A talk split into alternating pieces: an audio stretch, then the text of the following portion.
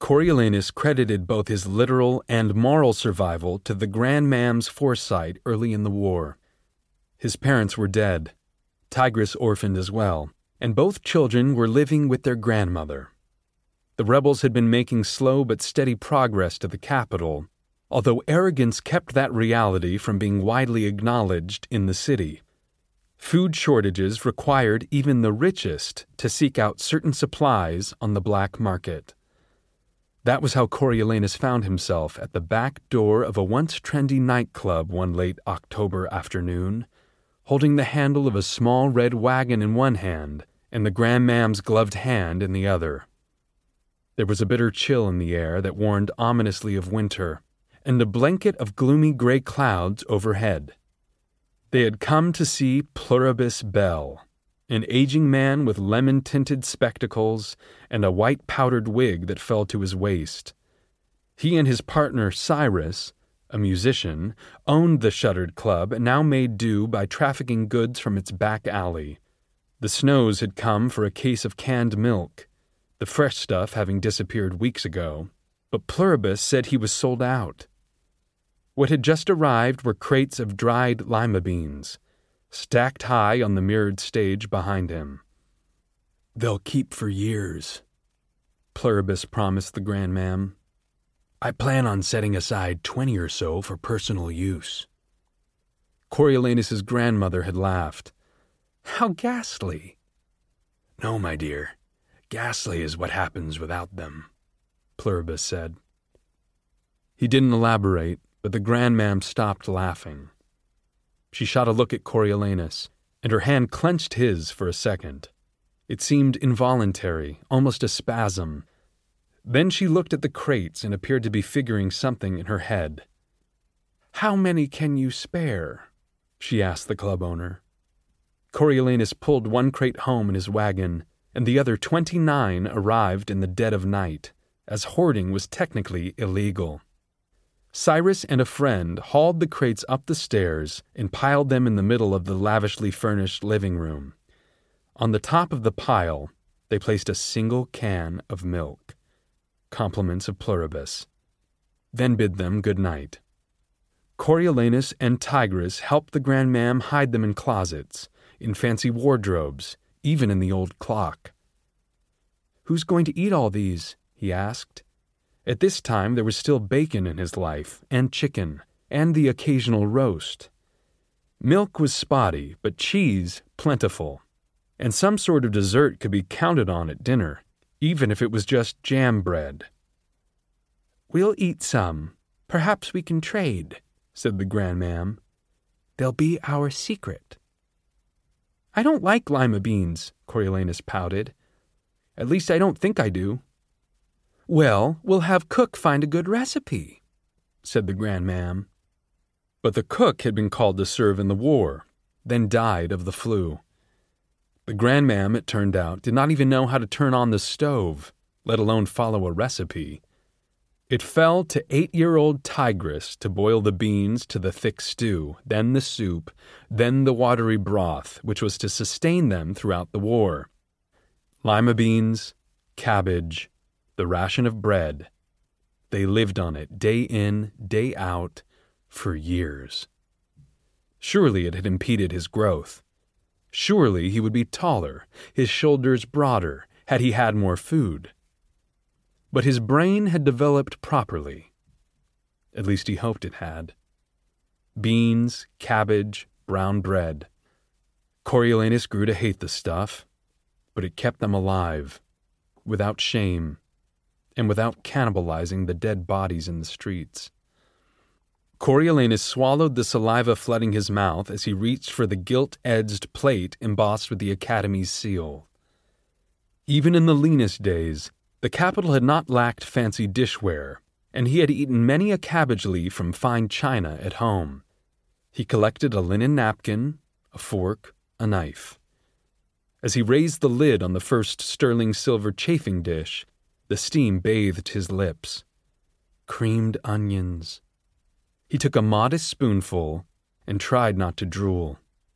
Boiled potatoes, summer squash, baked ham, hot rolls, and a pat of butter. On second thought, two pats. A full plate, but not a greedy one. Not for a teenage boy. He set his plate on the table next to Clemencia and went to retrieve his dessert from a cart, because last year they had run out and he'd missed the tapioca entirely. His heart skipped a beat when he saw the rows of apple pie wedges, each decorated with a paper flag sporting the seal of Panem. Pie! When had he last tasted that? He was reaching for a medium sized piece when someone thrust a plate with an enormous slice under his nose. Oh, take a big one. Growing boy like you can handle it. Dean Highbottom's eyes were rheumy, but they had lost the glazed look of the morning. In fact, they were trained on Coriolanus with an unexpected sharpness.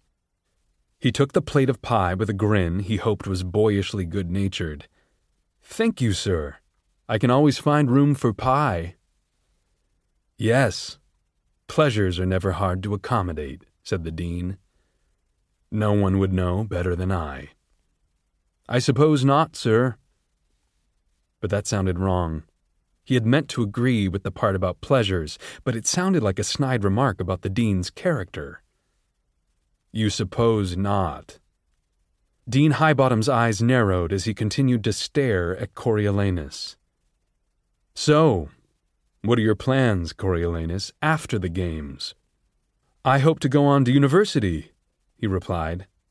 What a strange question. Surely his academic record made that evident. Yes, I saw your name among the prize contenders, said Dean Highbottom. But if you shouldn't be awarded one? Coriolanus stammered.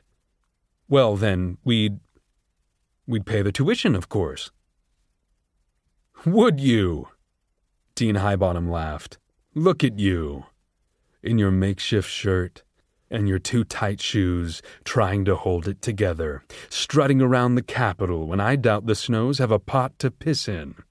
Even with a prize, it would be a stretch, and you don't yet have one, do you? What then, I wonder, would happen to you? What then? Coriolanus could not help but glance around to see who else had heard the terrible words, but most people were engaged in mealtime chatter. Don't worry, nobody knows. Well, hardly anyone. Enjoy that pie, boy. Dean Highbottom walked away without bothering to take a piece himself. Coriolanus wanted nothing so much as to drop his pie and run for the exit but instead he carefully set the oversized slice back on the cart. The nickname.